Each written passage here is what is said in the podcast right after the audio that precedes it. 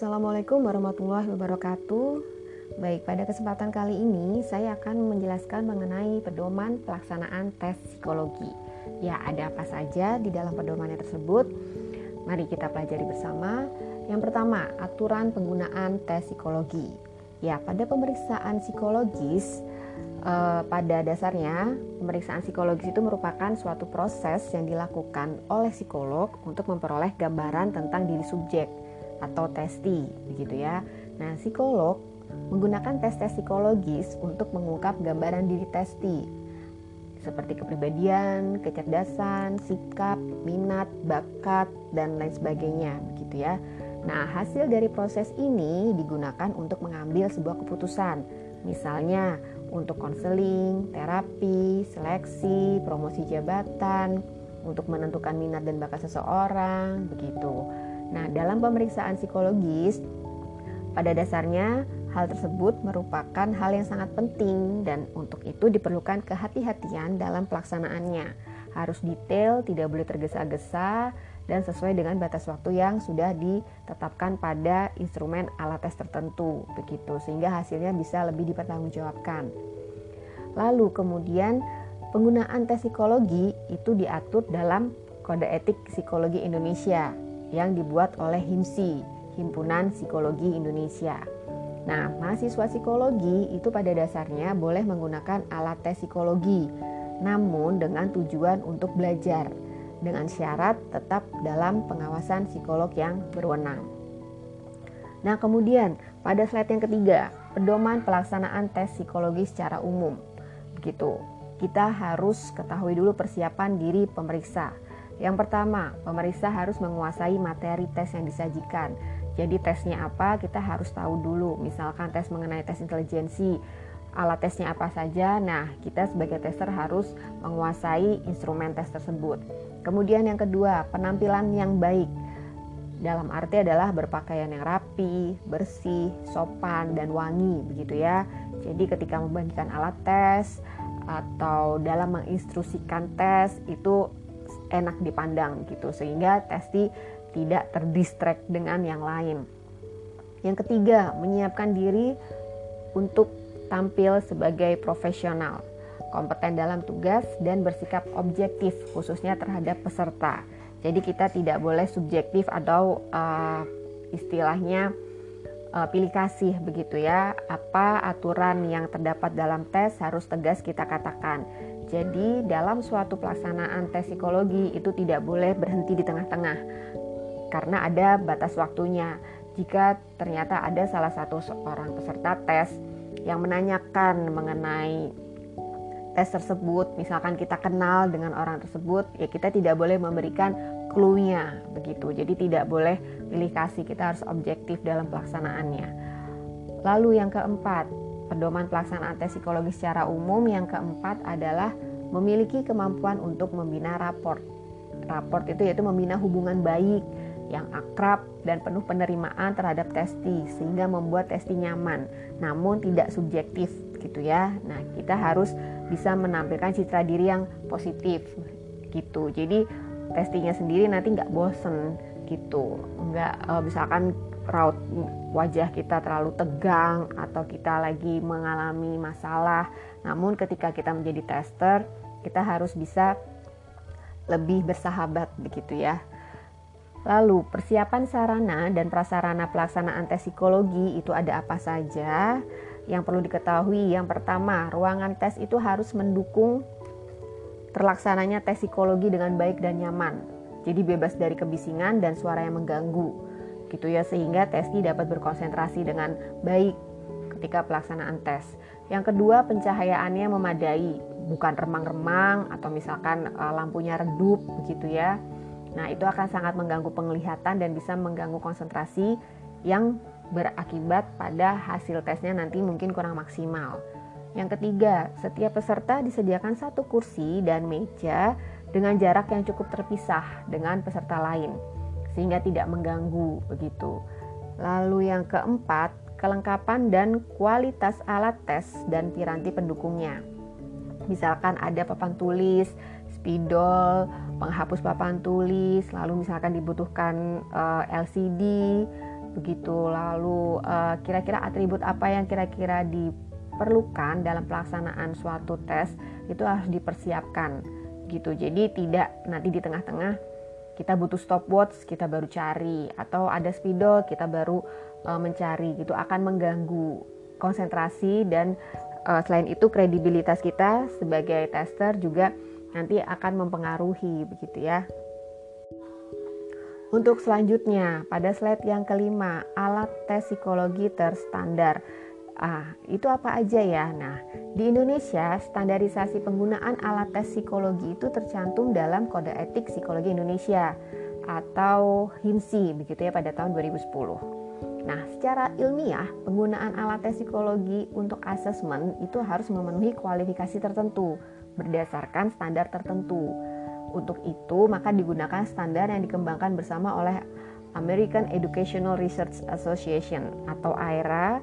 Lalu ada juga American Psychological Association atau APA dan National Council of Measurement in Education atau NCME gitu pada tahun 2014. Nah, dengan memperhatikan standar 6.7, 12.8, 13.10 dan 13.12 itu ada standarnya sendiri ya yang dibuat oleh AERA, APA, dan NCME itu maka pengembang dan penerbit tes telah membuat sistem tingkat kualifikasi penggunaan alat tes terstandar yaitu dibuat perbedaannya ada level-levelnya ada level A, S, B, dan C gitu.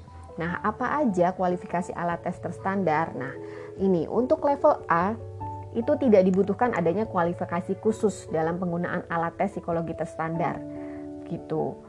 Untuk level S itu dibutuh, dibutuhkan derajat khusus, sertifikasi atau lisensi praktik sebagai profesional di bidang kesehatan, medis, neurologi, terapi okupasi, atau profesi perawatan kesehatan lainnya seperti asisten terapis, asisten psikiatri atau psikiatrinya sendiri dan pekerja sosial.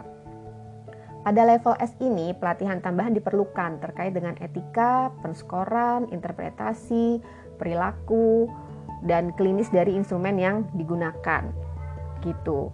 Nah, mungkin untuk contohnya level A itu bisa misalkan tes intelijensi. Uh, itu tester bisa menggunakan. Namun untuk S itu bisa hmm, dicontohkan mungkin alat tes yang berkaitan dengan hmm, mengungkap trauma masa lalu, kecemasan begitu ya Lalu yang level B dibutuhkan derajat pendidikan terakreditasi di bidang psikologi, konseling, patologi, atau keilmuan lain yang relevan.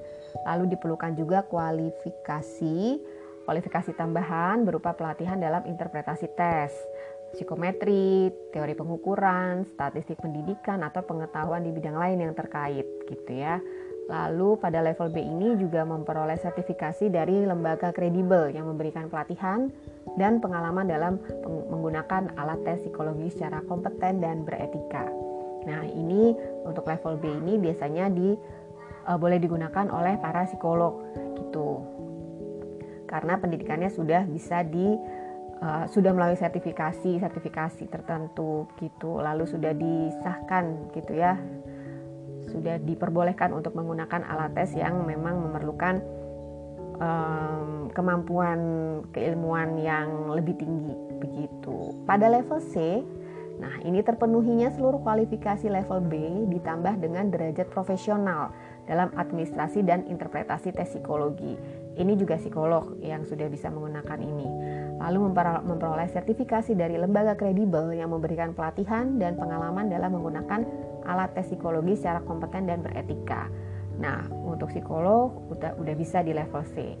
Nah, untuk para mahasiswa eh, psikologi itu masih di level A karena tidak perlu kualifikasi khusus dalam penggunaan alat tesnya begitu ya, masih bisa dipelajari eh, bagaimana penggunaannya, tidak memerlukan interpretasi dan analisa psikologi di dalamnya. Gitu. Nah, untuk selanjutnya pedoman pelaksanaan tes psikologi pada populasi khusus. Nah, contohnya di sini pada anak-anak. Pada anak-anak, tes psikologi itu meliputi biasanya yang disajikan adalah tes intelijensi, tes kepribadian, dan tes perilaku. Menurut Ridley and Kelly pada tahun 2007, Nah, beliau menyebutkan beberapa prinsip yang melandasi proses tes psikologi yaitu yang pertama, tes psikologi itu harus akurat dan komprehensif gitu ya, harus tepat. Gitu. Yang kedua, psikologi eh, tes psikologi merupakan proses berkelanjutan yang mempengaruhi pengambilan keputusan. Gitu maksudnya adalah jika dilaksanakan suatu tes, itu ada step by stepnya gitu untuk mengungkap apa nih untuk mengungkap intelijensi intelijensinya seperti apa uh, ada kemampuan verbal dan performance atau kemampuan motoriknya atau kemampuan apa yang mau dilihat. Nah, jadi uh, bisa dilakukan kontinu begitu. Nah, tes psikologi memiliki kegunaan klinis. Bisa untuk mengungkap hal-hal klinis, gangguan-gangguan kepribadian misalkan atau gangguan-gangguan perkembangan pada anak atau gangguan yang lain yang terjadi pada seorang individu. Lalu yang keempat, tes psikologi tidak dapat dipisahkan dari faktor budaya. Nah, ini maksudnya adalah uh, intelijensi seseorang itu bisa dipengaruhi oleh budaya tertentu gitu. Misalkan uh, latar belakang sosial budayanya seperti apa, lalu kecerdasan anak ini seperti apa, apakah terstimulasi dengan baik? Jika terstimulasi dengan baik, mungkin intelijensinya bisa uh, lebih tinggi gitu ya.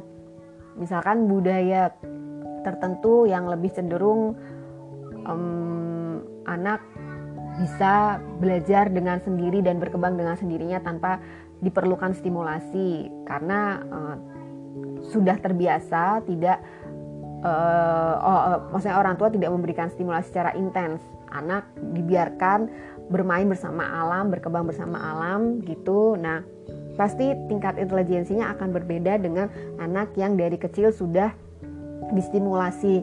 Terus dikenalkan macam-macam pengetahuan mengenai uh, apa pun gitu ya. Gitu kurang lebihnya. Lalu yang kelima tes psikologi dilaksanakan berdasarkan metodologi dan konsep yang sistematis semuanya jelas gitu ya validitas dan reliabilitasnya juga bisa dipertanggungjawabkan Lalu yang keenam, tes psikologi harus dapat dipertanggungjawabkan secara etik. Ada etikanya, hasilnya tidak boleh dibocorkan atau diketahui oleh orang lain selain profesional dan kemudian individu yang bersangkutan serta keluarganya. Begitu. Nah, komponen tes psikologi pada anak itu apa aja? Nah, biasanya itu yang pertama ada wawancara. Wawancara ini dilakukan kepada orang tua, pengasuh dan guru.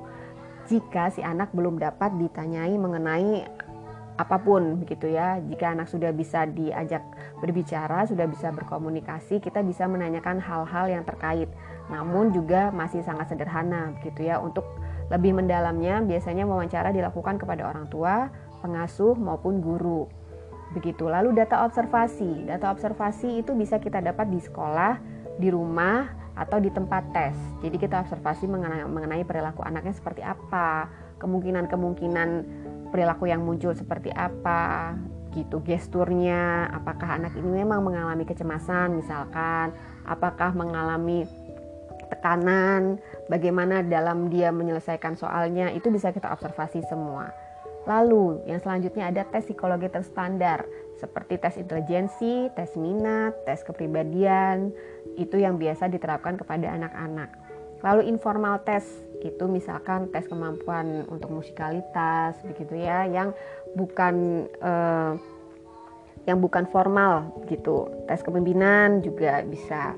Lalu selanjutnya ada survei rekam medis uh, riwayat kesehatan anak gitu ya bagaimana apakah anak ini mengalami uh, ada gangguan kesehatan tertentu dari awal dia lahir atau bagaimana ini bisa kita jadikan data untuk mm, mengungkap bagaimana mengenai uh, perkembangan psikologis anak ini begitu. Lalu yang terakhir ada dokumen-dokumen yang terkait, misalkan nilai rapotnya atau uh, misalkan anak ini sudah pernah menjalankan terapi atau uh, apa yang bisa mendukung uh, terhadap pemeriksaan psikologi pada anak tersebut begitu.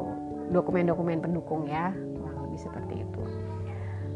Baik, kurang lebihnya itu yang bisa saya jelaskan pada kesempatan kali ini. Ya, bisa dijawab. Ada nih satu pertanyaan gitu ya.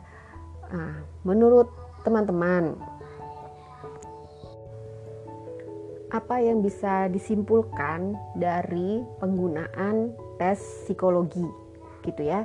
Silahkan dijawab di WhatsApp grup nanti akan kita diskusikan bersama. Terima kasih. Sekian. Jika ada yang kurang berkenan uh, jika ada yang kurang berkenan saya mohon maaf. Wassalamualaikum warahmatullahi wabarakatuh